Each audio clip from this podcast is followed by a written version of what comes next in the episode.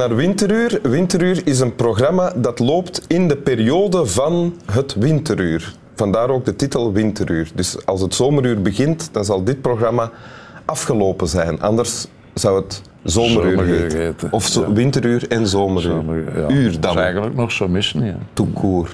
Ja, maar uur, dan zou het eigenlijk uur moeten noemen. Ah, hè. ja. Wat, niet, wat eh, Nee. vreemd is, want het duurt maar tien minuten, het nee, programma. ja. Eh, hiermee is gelijk, ben ik al gelijk maken. in gesprek kunnen gegaan met altijd maken dat het een uur duurt, hè. Ik denk dat dat moeiteloos zou lukken, maar dan komen we weer in, pro- in problemen met de powers that be van, Ah, ja, van die... ja, maar de powers that be, dat is de toekomst niet, hè. Nee. nee. Naast mij ziet, u had hem herkend, Louis Tobak, minister van Staat. Ehm, een lange carrière als eh, politicus, Mhm. burgemeester van Leuven. Bezig aan uw laatste ambtstermijn. Ja, Daarna gaat u genieten van een zo ziet het er toch uit, ja. Ja. Eh, hoezo? Het is nog niet helemaal zeker, of wat? God weet, hè. Ah, oké. Dus waarschijnlijk bezig aan zijn laatste Amsterdam. L'avenir n'est à personne, maar l'avenir est à Dieu, Ja. zei men. Wil u beginnen met hem voor te lezen. Ja, ja, Tekst uit Utopia van Thomas More. ja. Een tekst van meer dan 500 jaar oud. Hè? Toch? Ja. ja. Van eh 1516 is hij in Leuven gedrukt en gepubliceerd. Dus eh Morris wist waar de verstandige mensen zaten. Toen al, ja. Ja, ja. toen. Hun steden bestaan uit vier even grote wijken. En in het centrum van iedere wijk is er een markt waarvan alles verhandeld wordt. Alles wat de plattelandsfamilies produceren wordt daarheen gebracht, gesorteerd en per product in aparte pakhuizen opgeslagen. Elk familiehoofd geeft op wat hij en zijn familie hiervan nodig hebben en krijgt ook alles wat hij gevraagd heeft, zonder betaling of welke andere vorm van vergoeding dan ook. Waarom zouden ze hem ook iets weigeren? Er is toch genoeg aan alles? En waarom zouden ze bang moeten zijn dat iemand meer zou willen aanvragen dan hij nodig heeft? Als iemand zeker weet dat hij in de toekomst nooit iets tekort zal hebben, gaat hij toch niet iets overbodigs aanvragen? In de natuur komt de behoefte om enorme voorraden aan te leggen of zich van alles toe te eigenen, immers alleen voort uit de angst om ooit tekort te komen. Maar bij de mens is hebzucht louter en alleen het gevolg van ijdelheid. De gedachte dat je beter bent dan een ander als je meer overbodige rijkdom tentoon kunt spreiden dan hij. In de Utopiaanse samenleving is er echter geen plaats voor dit soort menselijke tekortkomingen. Ja. Oké. Dank u. Dus dit komt uit Utopia. Uit Utopia. Een ja. boek waarin eh, Thomas More, de schrijver, een beeld schept van een ideale Utopische samenleving, zoals hij ze fantaseert. Ja. Ja. Oké. En dan in het eerste deel van de tekst die u voorlas, zou je bijna een, een, een eh, proto-communistische samenleving kunnen... Ik denk zelfs niet. Ja, in de zin dat er ooit eh, nog één gevolgd is. Hè. Dus Ja. maar dat eh, wat, hij, wat hij geeft is, een, is, de, is wat de, de Sovjets een, een, een noemen. Dat is een, een bijeenkomst, een, een verzameling van landbouwers die allemaal hun producten naar een gezamenlijke plaats brengen en waar iedereen kan krijgen wat hij nodig heeft. Ja. Niet meer, maar ook niet minder. Alles wordt gedeeld En en alles de idee is, er is toch genoeg. Dus en waarom zou voilà, je... er is toch genoeg. Ja. er is een bekende uitdrukking die zegt: er is op deze aarde genoeg voor ieders nood, voor ieders behoefte, maar er is niet genoeg voor ieders hebzucht. Ja. Ja, Dat is dus- een korte samenvatting En dat van- is de van korte samenvatting van wat hier eigenlijk gezegd wordt. Ja, dus, maar dit is een, een, heel oud, een heel oud gezegd, dat is niet nieuw. Ja. En eh, wanneer hebt u dit voor het eerst gelezen? Of eh, als, als jongeling nog. En ik zou hopen Maar ik heb... Maar was u al politicus? Of bezig Eh, met politiek ben- toen u ik- het las? Ik heb geen herinnering dat ik ooit iets anders geweest ben. Is, dat is al zo lang geleden. Zo, dat is bijna 80 jaar geleden. Als het in de wieg bij lag, dan is het bijna 80 jaar geleden. Maar wa- was dit, dit boek of deze tekst, was dat iets dat u enthousiast maakte toen? Ja, dat u inspireerde? absoluut. Ja. dus die, eh, ja, Marx noemde dat een andere de utopische socialisten. Hè? Mhm. Dus die achteraf gevo- gevolgd zijn en in tegenstelling tot wat hij dan noemde het wetenschappelijke socialisme. Dus dat uit wetmatigheden voortvloeit, was er het utopische socialisme waar hij onder meer eh, Proudhon en, en anderen onder rangschikte.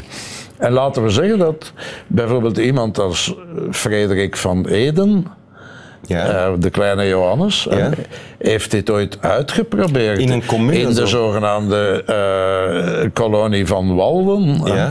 Dus heeft men dat ooit geprobeerd. Het is... ja, het, de dubbelzinnigheid heeft Morris er zelf in geschreven. De Wanneer hij in zijn laatste zinnetje zegt... In de utopiaanse samenleving is er echter geen plaats voor dit soort menselijke tekortkomingen. Eh, in de echte samenleving is er spijtig genoeg veel te veel plaats voor die menselijke tekortkomingen, die ijdelheid en hebzucht en zucht naar het overbodige om zich beter te voelen dan de anderen. Ja. Ja? Want u zegt van u hebt het als jongeling eh, voor het eerst Ja. gelezen, enthousiast over geraakt. Wekt dit nog hetzelfde enthousiasme bij u los dan, dan dat toen het geval was? Eh, vandaag word ik gehinderd door, door 50 jaar ervaring natuurlijk. Ja. Ervaring met Ervaring met mensen, ja. Ja. Met, met mezelf ook, ten andere. hè. Dus dat, eh, ik wil mij ook niet beter voelen dan een ander. Eh, dus dat, dat soort menselijke tekortkomingen komt inderdaad eh, voor. Hè. Dus dat is wat, wat Malraux beschreven heeft in La Condition Humaine. Wat zo mooi vertaald is door, dat geniaal in de titel vertaald is door het menselijk tekort. Ja? Wel, het menselijk tekort is er.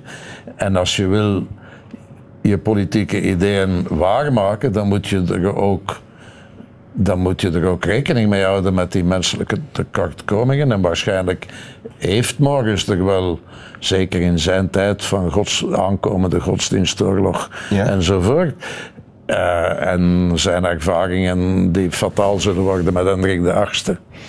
Eh, heeft hij eh, rekening gehouden met het bestaan van die menselijke tekortkomingen? Dan, hij, dan- hij, hij verwijst hier in, in de tekst naar ijdelheid. Ja. En dan vooral de ijdelheid van, van de hebzucht. Hè? Wel, ik, ik denk dat er naar twee interessante dingen verwijst die vandaag ook in onze samenleving belang hebben. hè. Je hoeft, zegt hij, in die utopiaanse samenleving, er is voor ieder genoeg, dus je hoeft geen angst te hebben voor de toekomst. Wanneer je vandaag de verruwing van de samenleving ziet, ja, en de verrechtsing noemt men dat dan van de samenleving, maar die maakt dat men voor de Trumps en, en, de, en, en de uiterste rechterzijde begint te stemmen enzovoort. Dat is gebaseerd op angst voor de toekomst, op bijgevolg angst voor wat raak ik kwijt Angst van dat er wat ik niet al meer heb genoeg zal zijn. wel, niet alleen dat er niet meer genoeg zal zijn, maar dat je niet de standing zult kunnen ophouden die je vandaag hebt en die je vandaag toelaat van je beter te voelen dan een ander. Ja. Ja?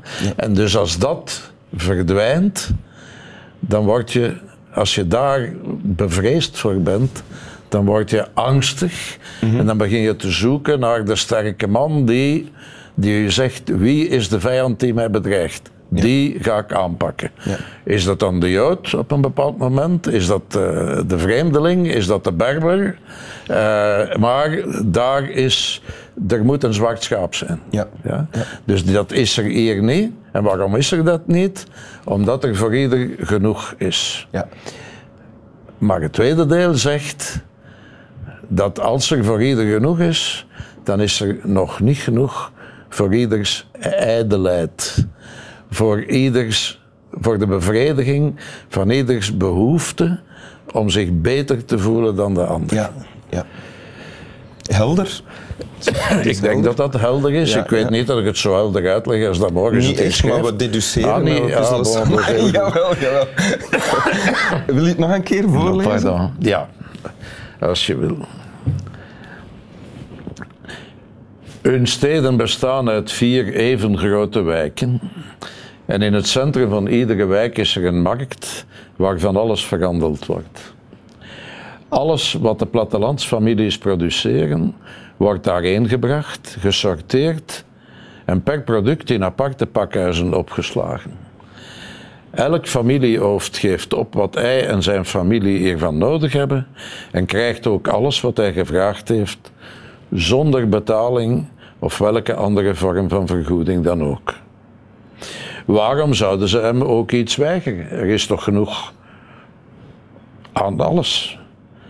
En waarom zouden ze bang moeten zijn dat iemand meer zou willen aanvragen dan hij nodig heeft? Als iemand zeker weet dat hij in de toekomst nooit iets tekort zal hebben, gaat hij toch niet iets overbodigs aanvragen. In de natuur komt de behoefte om enorme voorraden aan te leggen of zich van alles toe te eigenen immers alleen voort uit de angst om ooit tekort te komen. Maar bij de mens is hebzucht louter en alleen het gevolg van ijdelheid. De gedachte dat je beter bent dan een ander als je meer overbodige rijkdom tentoon kunt spreiden dan hij. In de utopiaanse samenleving is er echter geen plaats voor dit soort menselijke tekortkomingen. Dank u wel. Voilà. Nu wensen we de mensen wel te rusten. Ah ja, moet ik dat doen? Ja, graag. Wel, eh is een interessante gedachte om straks nog eens te overpeinzen en in het eigen hart te kijken nog even voor het slapen gaan. Zij Alice Naons. Ja, dat klinkt stichtelijk en Ja, eh geweldig, hè? ja. slaap wel. ja.